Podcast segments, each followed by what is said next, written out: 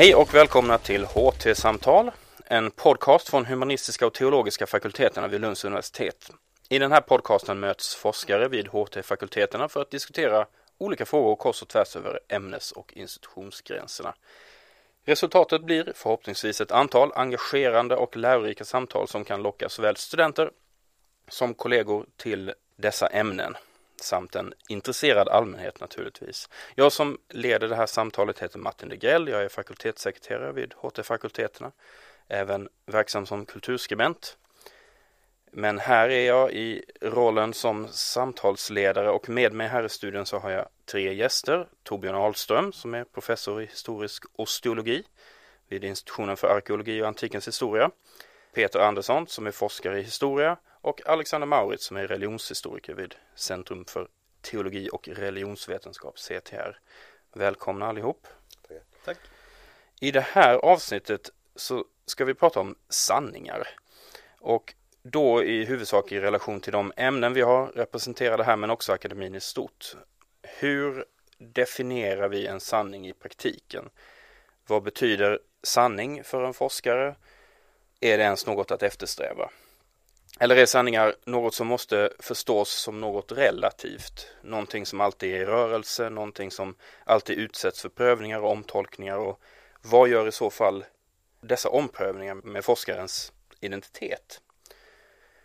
Om vi börjar med Peter, vad, nu får du en väldigt lätt fråga. Vad betyder sanning i ditt ämne? Hur, skulle, hur relaterar du till sanning Oj, från ditt ämne? Eh, ja, lätt fråga vet jag inte om det är. Det är en väldigt allmän fråga men, eh, men det kan man nog svara på många olika sätt. Jag skulle väl säga att eh, sanning är ett begrepp som inte riktigt går att komma undan när man är historiker men Samtidigt så är det ett ganska infekterat begrepp, lite bespottat sådär och jag tror att nu för tiden så är det nog ganska få inom humaniora överhuvudtaget som, som faktiskt vågar använda ordet på, i någon större bemärkelse liksom.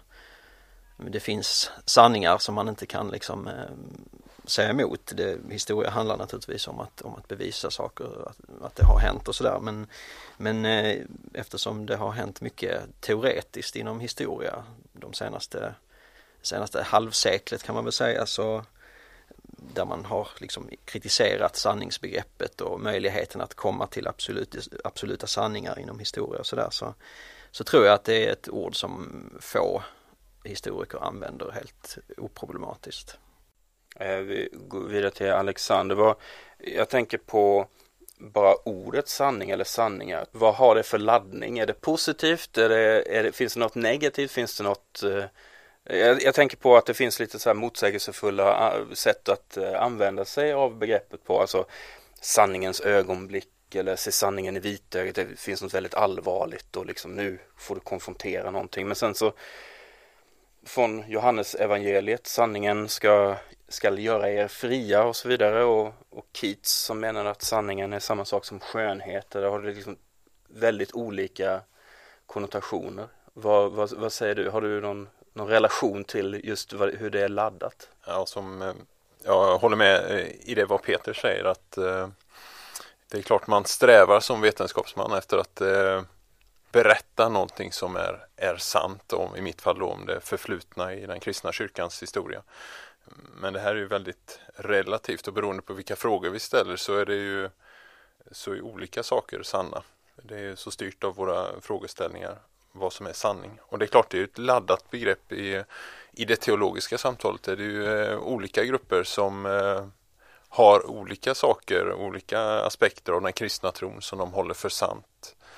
Och det är det som ger en stor spänning i det teologiska samtalet givetvis. Mm. Så det är klart det är ett oerhört laddat, laddat begrepp mm. om man ser den, det teologiska samtalet inom de kristna kyrkorna utifrån. Så är det oerhört laddat givetvis vad som är sant. Mm. Eh, ni är ju alla tre forskare med någon sorts ändå fokus på det förflutna, eh, om än med lite olika perspektiv. Torbjörn, du har ju som i egenskap av osteolog i hög grad varit inblandad i den ganska nyligen väldigt uppmärksammade undersökningen av biskop Winstrups mumie. Och den här mumien har, den har ju även undersökts tidigare, inte sant? Ja. Hur länge sedan var det den senast undersöktes? Alltså vi vet ju när man, när man uh, renoverar domkyrkan kring 1820 att man öppnar kistan. Den har väl inte i strikt mening undersökts som man tänker sig att man har gjort med andra eh, kungar och potentater under den här tiden. Så det finns egentligen inte någon undersökning av det men man besiktigar den gör man i alla fall och sen tror man också har gjort det någon gång under 1900-talet men någon riktig undersökning har inte gjorts innan. Okej, okay, men i, i vilket fall som helst så det man tittade på var antagligen med, med ganska mycket mindre sofistikerade verktyg och möjligheter än att undersöka den än, än vad ni har haft idag alltså. Ja, ja. Och då tänker jag, jag, jag vet inte om jag har någon slutfråga här men jag tänker så här att vilken typ av sanningar kommer man fram till idag som man då inte omöjligt skulle kunna komma fram till då?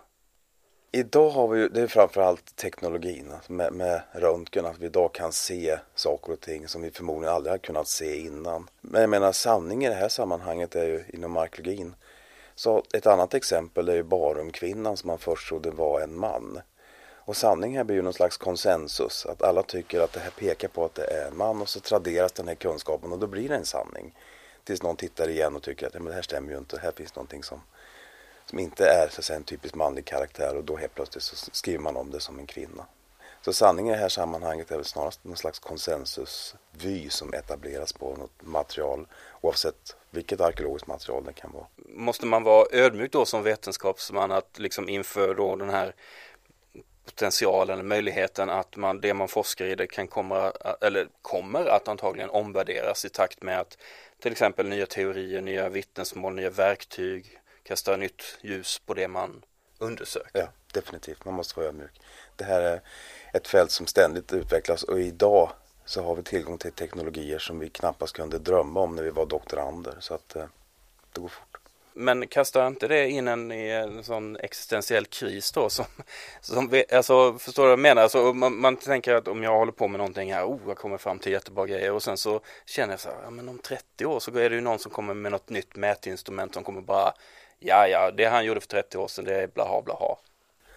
Eller? Ja, nej, jag tror inte det, utan jag vet inte, man kanske ska se det som progression. Alltså att det, mm. det är väl en sån sak som gör att man blir ödmjuk som forskare, just att man vet, eller man, man, man tror inte, det finns ingen risk för att man kommer att bli en diktator eller, eller en ideolog som humanist i och med att man hela tiden bär det här med sig att någon kan motbevisa det här någon gång förr eller senare. Liksom. Och det är ju så, det är ju ett samtal i vårt fall, vi kan ju inte föra dialog med de forskare som kommer efter oss men vi kan ju, och det är ju det också vi gör, eh, konsultera de som har gått före oss och forskat inom våra respektive fält och liksom hänvisa och referera till andra forskare och bygga vidare. Det är liksom något kumulativt i, i det här liksom progression som Torbjörn säger. Men då, eh, det är intressant för då kommer det in på en grej som jag också undrade över just humanioraforskning och just den ackumulerade erfarenheten, vetenskapen och så vidare. Alltså om du ser på naturvetenskaper till exempel så är det, där finns en väldigt tydlig ackumulerad liksom vetenskap och man liksom hela tiden bygger på det man, där man står och så blir man, kommer man längre och längre. Men är, hur är det i humaniora? Du säger att det, att det du, du pratar om det här att du hänvisar tillbaka till tidigare forskare och sådär men är, är det så eller? Kan det möjligtvis vara så att våra sanningar eller våra efterforskningar inte blir föråldrade på samma sätt som i naturvetenskapen? Det är klart, Torbjörn har väl kanske lite annan situation för du använder sådana verktyg, naturvetenskapliga metoder och tekniska hjälpmedel än vad kanske Peter och jag gör men att vi levererar en annan sanning om en material eller rörande en fråga behöver ju inte betyda att den som har beforskat det här innan har haft fel. Utan det är ju perspektivförskjutning eh, möjligtvis. Då. Så det kan ju vara snarast än att leda till en existentiell kris så kanske eh, humanister kan vila lite tryggt i det att eh, det jag har gjort och det mina kollegor har gjort nu behöver inte bli direkt föråldrat. Mm. Och inom arkeologin så har vi också det tillståndet att vårt källmaterial ständigt ackumuleras. Det kommer hela tiden nytt. Just det. ja, v vad säger du om det resonemanget Peter? Ja, eh, ja nej men historikerns källmaterial eh, kommer kanske nytt också eh, efterhand just i och med att som eh, Alexander säger att det, det handlar väldigt mycket om vilket perspektiv man har liksom. Och om man, om historiker börjar anlägga ett nytt perspektiv på en viss eh, tid eller sådär så, så genererar ju det att man ser att det finns nytt källmaterial, saker som man inte trodde för att man kunde studera liksom. Nu för tiden så är man ju väldigt inne på att eh, analysera bilder eller materiella saker, föremål och sådär och eh, längre tillbaka och eh, majoriteten av historiker fortfarande har studerat skriftliga källor framförallt. Men det är någonting som jag tror håller på att förändras och då förändras ju även perspektiven liksom och, och vad man ser som källmaterial. Och apropå just källmaterial, jag tänker också på det här med eh, vems sanning det är som, som berättas. Som, ta då till exempel historia, alltså jag tänker på vittnesmål och trovärdighet i vittnesmål och saker som antingen skrivs ner eller muntligen traderas. Liksom. Hur, hur viktigt är det att förhålla sig kritiskt till den typen av källor? Ja, det är ju, det är ju, det brukar man ju säga att det är det som är Eh, grunden för historisk forskning, källkritiken liksom och att man, ehm, man inte ehm, tror direkt på vad, vad källorna säger eller sådär utan, utan att man, man eh, tänker hela tiden på att det är skrivet ur ett visst perspektiv och sådär. Ehm, men samtidigt så kan man nog gå lite för långt i det också och, och bli lite väl cynisk gentemot människor i det förflutna och anta att de hela tiden agerar själviskt eller lögnaktigt och sådär. Ehm, man måste ju också ha, ur ett etiskt perspektiv så måste man ju också ha viss medkänsla med de människorna som man skriver om och, och deras eh, efterlämnade brev eller vad det nu kan vara liksom. Att, eftersom det nästan alltid handlar om döda människor så måste man ju ändå tänka på att Eh, man är, man är sympat, man behandlar de här människorna sympatiskt på något sätt.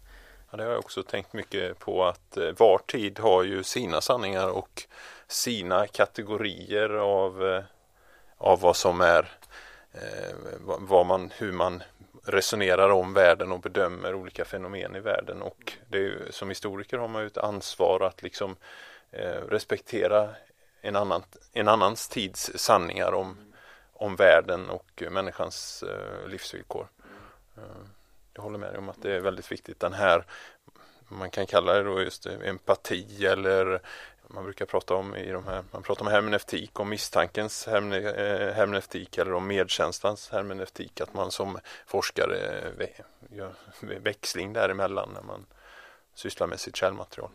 Sen tror jag det är viktigt komma ihåg också att vi är ju lite, det kan låta lite flummigt när vi sitter här och säger att ja, det finns kanske ingen sanning och det är lite relativt. Och, eh, men eh, eh, jag tror det är viktigt att komma ihåg att den här källkritiska metoden är liksom, precis som du säger Peter, grundläggande.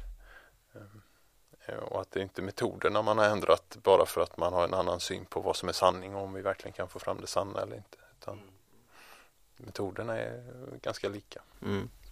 Är det så, kan man, kan man generellt säga så att eh, förr i tiden, på den gamla tiden, säg hundra år sedan eller någonting, jag vet inte, jag bara slog till, att man som vetenskapsman eller forskare på den tiden hade liksom mindre bekymmer med att uttala sig om tvärsäkert om vilka sanningar som förelåg. Alltså det känns som att nu så har man en annan, precis som du säger här, liksom att det finns en ödmjukhet inför alltså förståelsen av sanningar och att kontexten, att det spelar roll vilken miljö och vilken tidsålder man befinner sig i för att förstå världsbilden och sådär. Men man var lite mer tvärsäker förr, var man inte det Torbjörn? Jo, det stämmer. Och jag tror att det har att göra med kunskapstillväxten också. Till exempel om man har sett på ett speciellt skelett och sett en karaktär så har man relaterat det till en viss litteratur. Skulle man göra om samma procedur idag så skulle den litteraturen ha växt högst avsevärt egentligen. Så kunskapstillväxten idag är ju mycket större och då blir man kanske också lite mer ödmjuk. Det ska ju sägas att vi har ju säkert också saker som låser vår blick och i vissa sammanhang pratar man om olika metanarrativ, alltså stora berättelser om det historiska förloppet till exempel som, eh, som styr vår förståelse. Jag har själv sysslat en del med sekulariseringsforskning där det är en väldigt det finns en stark förförståelse att det har hänt något i, med vårt samhälle och att religionen har mist sin betydelse och det har varit en ganska eh, stadig nedgång för det religiösas betydelse. Men nu är det bara att titta hur samhället ser ut idag. Eh, de forskare som har haft den här metanarrativet om sekularisering de har ju uppenbarligen haft ganska fel. Så att vi har säkert också saker som, som eftervärlden kommer säga att där uttalar de sig eh, ganska, eller alltför tvärsäkert. Jag tror också att vi, eh, vi har en lite överdriven bild av hur det, hur det kunde vara för hundra år sedan eller på 1800-talet och sådär. Vi, eftersom vi idag är så noggranna med att betona att man inte kan komma fram till absoluta sanningar och det finns ingen objektivitet och sådär. Ehm, så, så målar vi upp en bild av 1800-talets humanister och sådär som väldigt tvärsäkra och, och, att de pratade mycket om sanning och sådär. Och det gjorde de också när man läser det och sådär. Men om man läser det noggrant så, så fanns det även då en vetskap om att Ehm, det här är ju vårt perspektiv liksom och, och sådana saker. Så den här eh, relativismen fanns, fanns nog även då. Men jag tror att man man valde att betona sanning på ett annat sätt då än, än man gör nu. Man vågar inte göra det idag. Samtidigt så ehm, eller det här är väl följden av att, av att eh, eftersom vi tror väldigt mycket på kunskap och att man måste ta in olika perspektiv och, och sådär um, så vågar vi inte säga sådana här absoluta saker för att vi är rädda för att förolämpa någon eller för att diskriminera någon och sådär. Och den rädslan kanske man inte hade för, för 100 år sedan eller 150 år sedan. Men samtidigt så i vår strävan att distansera oss från de där gamla mossiga historikerna eller vad det är så, så tror jag att vi, vi tenderar att gå över i, i vår tids sanningar liksom som vi nog inte kan se igenom lika lätt som, som andra tiders så att säga.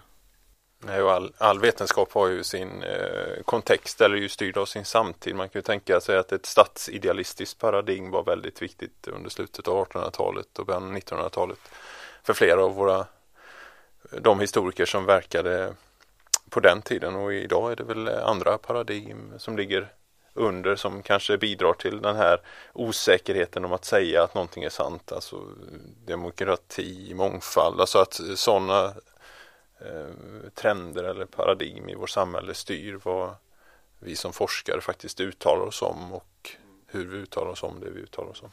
Och det gör att vi pratar väldigt mycket om tolerans mot människor och andra kulturer och sådär men inte så mycket om tolerans mot människor i andra tider. kan man säga. Är det då utifrån det här resonemanget, är det, är, är det viktigt med sanning? Det är nog viktigt med någon slags konsensus för det, det, är liksom, det blir ju det någon slags bollplank som man ska köra ner så att det pekar ju på någon slags hur ska man uttrycka det att eh, det är en utmaning att, att hela tiden ta sig till sanningar och ifrågasätta dem. Så på ett sätt är de ju drivande. Jag tänker på någon eh, stortänkare som jag kommer att slakta något citat här som att eh, sanning är någonting man bör eftersträva men aldrig förväntas nå. Det är nog så som de flesta tänker fortfarande tror jag. Även om man kanske inte vågar säga det riktigt så entydigt kanske men eh, men det finns kanske olika, olika typer också av sanningar. Så, alltså, jag menar, vissa sanningar kanske är enklare att, att uh, vara lite mer säker på. Mm än andra. Mm. Ja, och vi, vi tror ju att vi, vi är inte så, vi förlitar oss inte så mycket på, på sanningar nu för tiden men det gör vi ju egentligen. Bollen är rund till exempel. nej men, nej, men det, är inte, som, men, det är som Torbjörn sa att konsensus driver väl ja, lite grann det också. Ja. Jag tror att just sanningsbegreppet handlar om någon sorts mänsklig impuls också till kontroll eller ordningsskapande eller sådär. Och och det, jag, jag, tror att det känns ibland som att de som är ivrigast med att rasera gamla sanningar är också de som är först med att etablera nya liksom. Så det finns nog en, en ständig liksom, process där i att det går inte riktigt att komma undan det här eh, försöket att komma fram till något fast liksom. Det finns någon eh, önskan efter ordning eller kontroll eller mm. något sånt här kanske? Ja. Det kanske ligger något allmänmänskligt i det där. Nu blev det väldigt filosofiskt kanske. ja, jag är inga filosofer här då. Men eh, jag tänkte på det här med relativiseringen av sanningar som vi varit inne på lite grann. Vad ska man säga, för och nackdelarna med det där. Ibland kan jag, kan jag liksom få intrycket av att i någon sorts samhällelig debatt och, och diskussioner att, att åsikter får liksom allt större utrymme, ibland på bekostnad av liksom fakta eller etablerad sanning. Ehm, som att alla har liksom rätt till sin sanning. Det spelar liksom ingen roll så här, om jag säger att det regnar ute så säger Alexander nej, det tycker jag inte alls att det gör. Till exempel, ja okej okay, då, då har du rätt till din tolkning av vädret. Och eh, det finns en, eh, en amerikansk satiriker som heter Stephen Colbert som för några år sedan så etablerade han begreppet truthiness som alltså då är en typ av sanning som inte baseras på logik, fakta eller evidens utan på magkänsla, alltså vad man själv känner. Denna sanning då känns rätt, eh, även om den per definition, den logiska definitionen och så vidare, inte är det. Så att är det där vi liksom hamnar om vi börjar slira för mycket på det här, eh, alltså att relativisera hela sanningsbegreppet? Vad, vad säger ni? En liten uppdatering av Tage Danielssons sannolikhet där nästan.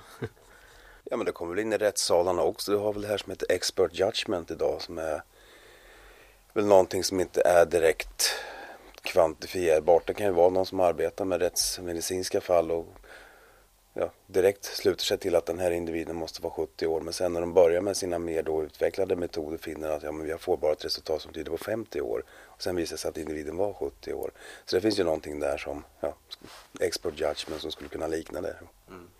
Det är svårt att sätta fingret på vad som får exakt och, och mena att det är just den här åldern. Men i, i det här fallet då så visar det sig att det fungerar.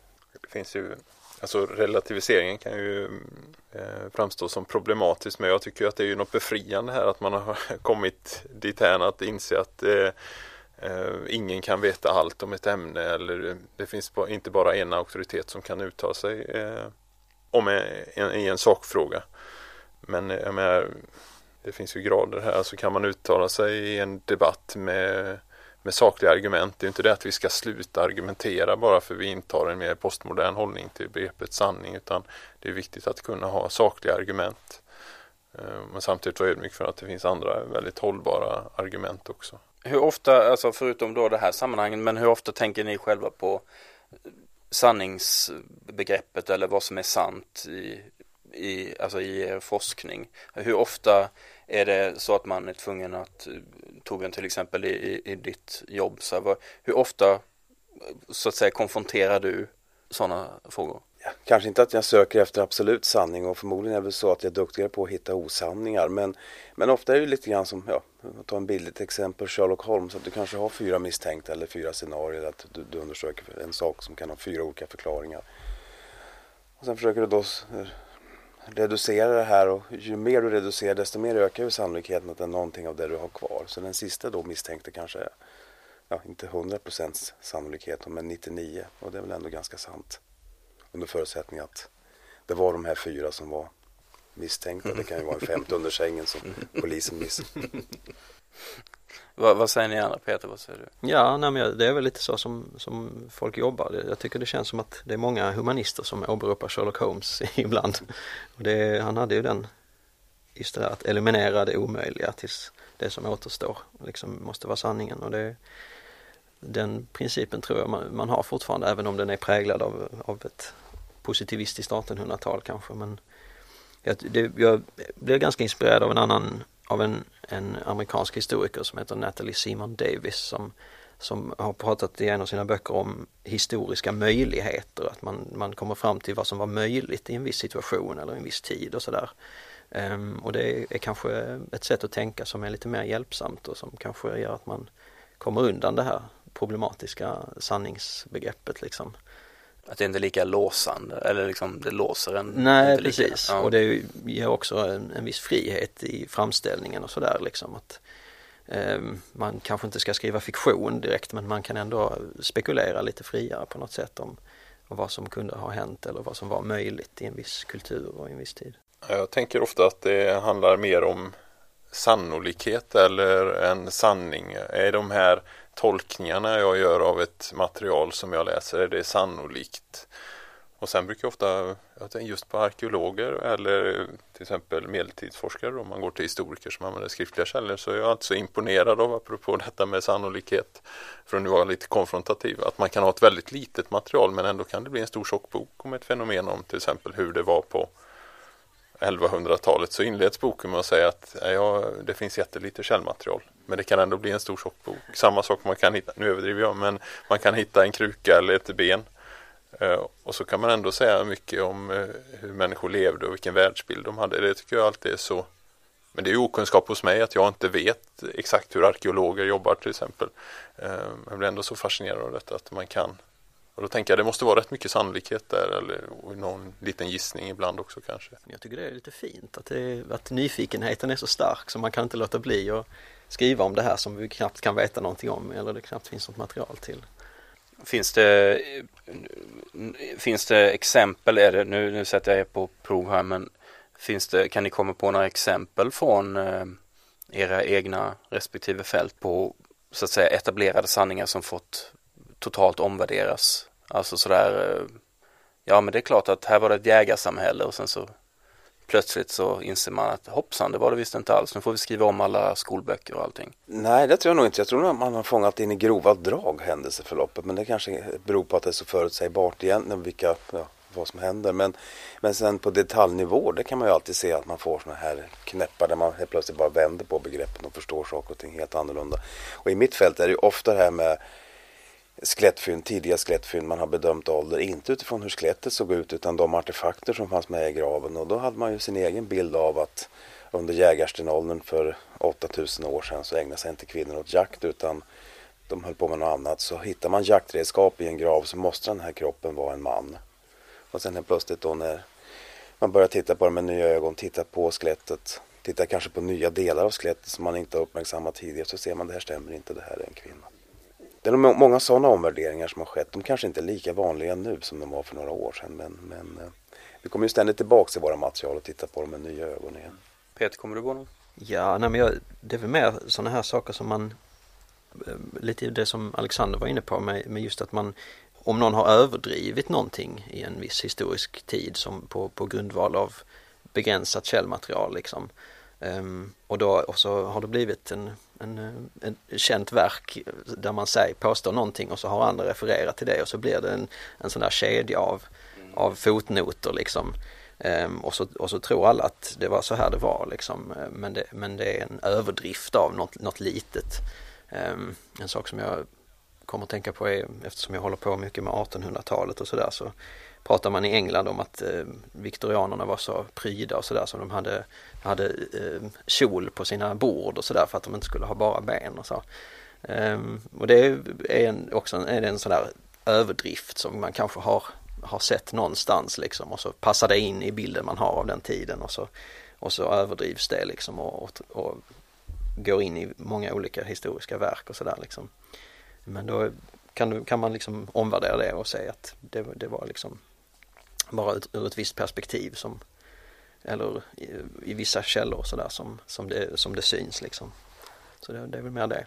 Ja, och, eh, ur mitt eh, då kyrkohistoriska perspektiv så är det ju kan man ta som exempel synen på eh, medeltiden, den mörka medeltiden som ju är ett begrepp som ja, lev, lever kvar hos många kanske men där man de senaste eh, decenniernas forskning har visat någonting helt annat och att det finns vissa delar av medeltiden, det är inte alls mitt specialområde men det är ändå intressant alltså att 1100-talet till exempel är en mycket dynamisk eh, period i Europas historia.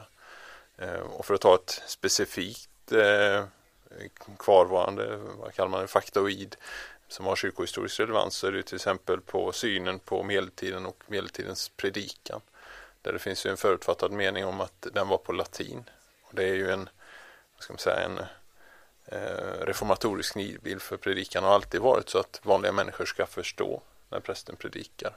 Just men det lever bild, just kvar. Just den här eh, bilden av att alla bybor sitter där och förstår och för, ingenting nej, men precis. de sitter där i vördnad. Och, och, och, det är ju liksom, ja, den, eh, den bilden är fel. Man har alltid haft predikan på folkspråket. Men det dröjer sig kvar och man kan fortfarande se eh, när studenter tenterar om detta att de skriver att predikan på medeltiden var på latin och sådär. Och det är ens frågan om, om prästerna i Sverige kunde latin så bra så de skulle kunna ha predikat på latin en gång. Så, mm. Om nu eh, våra kära lyssnare här vill, vill eh, gå vidare med det här eh, sanningsbegreppet och kanske bli intresserade av det vi pratar om här nu. Vad ska de då vända sig? Vad går de vidare? Alexander, har du, har du något tips? Något, eh, något råd åt våra lyssnare? Ja, om man nu tycker att eh, det här med sanningar är ett relativt begrepp och man gillar hur eh, historiker och kyrkohistoriker omvärderar historien så har jag två tips med mig. Och det ena är väl eh, passar både vad ska man säga, mer akademiskt och utom akademiskt inriktad eh, publik. Och det är en bok av en historiker som heter Göran Malmstedt som heter Bondetro och kyrkoro religiös mentalitet i stormaktstidens Sverige. Det finns ju en bild av säg 1600 och 1700-talets Sverige att det är väldigt uniformt vad gäller tro och folk kommer, alla kommer till kyrkan, de kommer i tid, de sitter stilla med böjda huvuden i kyrkbänkarna och sådär. Och eh, Göran Malmstedt visar i den här boken att det stämmer inte alls. Han tittar på då ett källmaterial, rättegångsmaterial där eh, folk som har misskött sig ställs inför rätta. Och det är ett gediget material Eh, där man eh, folk som somnar eller kräks i, eh, under gudstjänsten, folk som står kvar utanför på kyrkbacken och skvallrar istället för att gå in och vara med i gudstjänsten, hundar som är inne i kyrkan och som kastas ner från läktaren och sådär. Det, den gör upp med vår bild av det kyrksamma 1600 och 1700-talet på ett ganska befriande sätt och visar att det är just med väckelserna i i Sverige på 1800-talet som vi får det här idealet som vi egentligen, som många av oss kanske förknippar med 1600-talet och det tidigmoderna Sverige. Ett mer, eh, ja, Malmstedts bok är också väldigt akademisk men den är läsvärd på ett annat sätt. Det är mer, eh, kanske något mer svårtuggat. Det är en bok av eh, två kyrkohistoriker här från Lund, Samuel Rubensson och Anders Jarlert. Eh, som har skrivit en kort bok på 70 sidor med fyra uppsatser som heter Kyrkohistoriska omvärderingar. Och där diskuterar eh, de här författarna till exempel hur eh, Eh, man kan tänka om eh, epokindelning och det här med begreppet medeltid och att det kanske inte är ett så bra eh, begrepp och man pratar också om ortodoxin och just det här med det här 1600-talet som ska vara så uniformt att det inte alls kanske var så uniformt. Så det är två bondetro, kyrkor kyrkooro, religiös mentalitet i stormaktstidens Sverige och kyrkohistoriska omvärderingar. Det är två, två bra boktips som visar att sanningar inte alltid är vad man trodde att de var. Peter, har du något att Ja, jag har funderat här medan vi har suttit. Eh, jag kommer på en, en bok som jag, som jag tycker är lite rolig som, som handlar om just det här hur man, hur man som historiker kan eh, kan leka lite grann med framställningsformen och, och, och, och just eh, problematisera vad som är sant och sannolikt och, och sådär. Och det är en, en, bok av en engelsk historiker som heter Simon Sharma. Eh, boken heter Dead Certainties och det är en, eh, en bok som, som handlar om eh, två olika brottsfall på 1800-talet ehm, men det roliga är att han skriver den som en roman i princip, eller det är skrivet som, som skönlitteratur. Men han hävdar då att allting som han skriver är helt sant och bygger på, på riktigt källmaterial och sådär. Ehm, och den blev lite omdebatterad och sådär och man diskuterade huruvida man kan, kan skriva på det sättet utifrån det material man har som historiker och sådär. Ehm, och han diskuterade det själv eh, i, i efterordet till boken och sådär på ett väldigt eh, roligt sätt. Så den, den kan jag rekommendera. Mm. Tack för det. Och Torbjörn, har du något? Jag har ett tips på en bok som är i tryckpressarna nu. Den har inte riktigt kommit ut än. Den är skriven av en författare som heter Björn Wallebom. Han är arkeolog här i, Lund. Och det är en bok som handlar just om Barumkvinnan, eller Bäckaskogskvinnan. Och han har följt upp allt från det att man gjorde fyndet till hur hon presenteras idag. Och där kan man följa lite grann om det här med sanningar och arkeologi och hur det skiftar beroende på omständigheter. Ja, det låter väldigt spännande. Och eh, med dessa fina tips så avrundar vi detta avsnittet av HT-samtal. För att få veta mer om den forskning som pågår här på humanistiska och teologiska fakulteterna så går det bra att besöka oss på webben till exempel ht.lu.se. Vi finns såklart också på Facebook. Där heter vi Humaniora och teologi vid Lunds universitet. Stort tack till panelen Torbjörn Ahlström, Peter Andersson och Alexander Maurits. Vi spelar in denna podd i Humanistlaboratoriets larmstudio. Och larm, det står alltså för ljud, animering, rörlig bild och musik. Det är inget vanligt larm alltså. Och vi tackar Peter Roslund för teknisk expertis och assistans. Vår signaturmelodi görs av Graham Bowl. Jag heter Martin Degrell och vi hörs snart igen.